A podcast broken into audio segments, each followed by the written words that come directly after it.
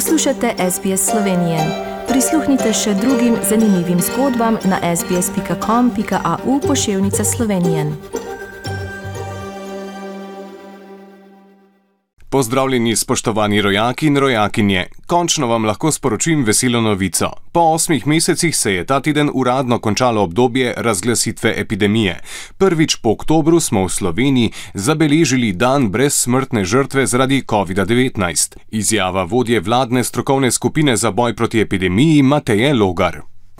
Je pa treba narediti priprave za jesen. Kljub vsemu se zavedamo, da bitka z virusom še ni končana, da smo tokrat sicer na pravi strani, da pa se jeseni seveda poveča število okužb dihal in s tem tudi zelo verjetno ponovno večje število okuženih s SARS-CoV-2, tako da je trenutno čas, da poskrbimo, da se čim večji delež ljudi cepi. Vlada je zaradi dobrih razmer sprostila še nekaj omejitvenih ukrepov, sprejela pa je tudi predlog novega interventnega zakona za pomoč turizmu in gostinstvu, do katerega pa so so v prizadeti panogi kritični.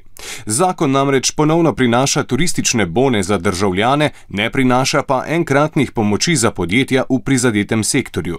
Boni niso rešitev za slovenski turizem, rešujejo en manjši segment slovenskega turizma, medtem ko organizatorji dogodkov, eh, potem mestni hoteli, nekatera naravna zdravilišča, naprimer Rogaška, od teh bonov ne bojo imeli praktično ničesar.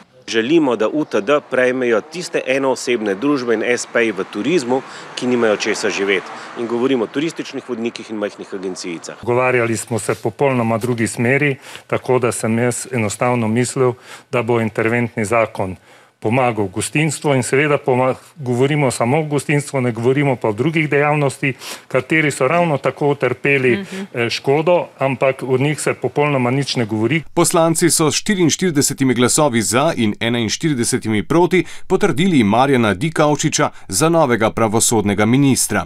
Kot je dejal po potrditvi, se zaveda podeljene odgovornosti. Zahvaljujem se vam za podporo in se zavedam odgovornosti, ki ste mi jo podelili z imenovanjem na funkcijo ministra. Eh, sedaj se seveda začne resno delo in to že nocoj. Dikaučič, ki ga je predlagala stranka SMC, je od dosedanje ministrice Liljane Kozlovič, ki je odstopila, že prevzel posle. Umrl je Ivan Zidar, nekoč eden najvidnejših in najvplivnejših slovenskih gospodarstvenikov. Star je bil 82 let. Javnost je bil znan predvsem kot direktor gradbenega giganta SCT, zadnja Zidarjeva leta pa so bila zaznamovana z aferami in sodnimi postopki. V Sloveniji pa se v zadnjih tednih kar vrstijo afere z odlaganjem blata iz komunalnih naprav.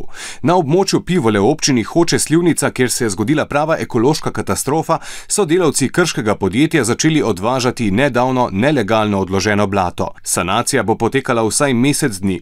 Hiše, ki so ostale brez zasednega zajetja, bodo priklopili na vodovod. Kriminalisti policijskih uprav Maribor, Celje in Ljubljana so po dogodku izvedli 18 hišnih preiskav, v katerih so iskali dokaz dokaze o storitvi kaznivega dejanja obremenjevanja in uničevanja okolja.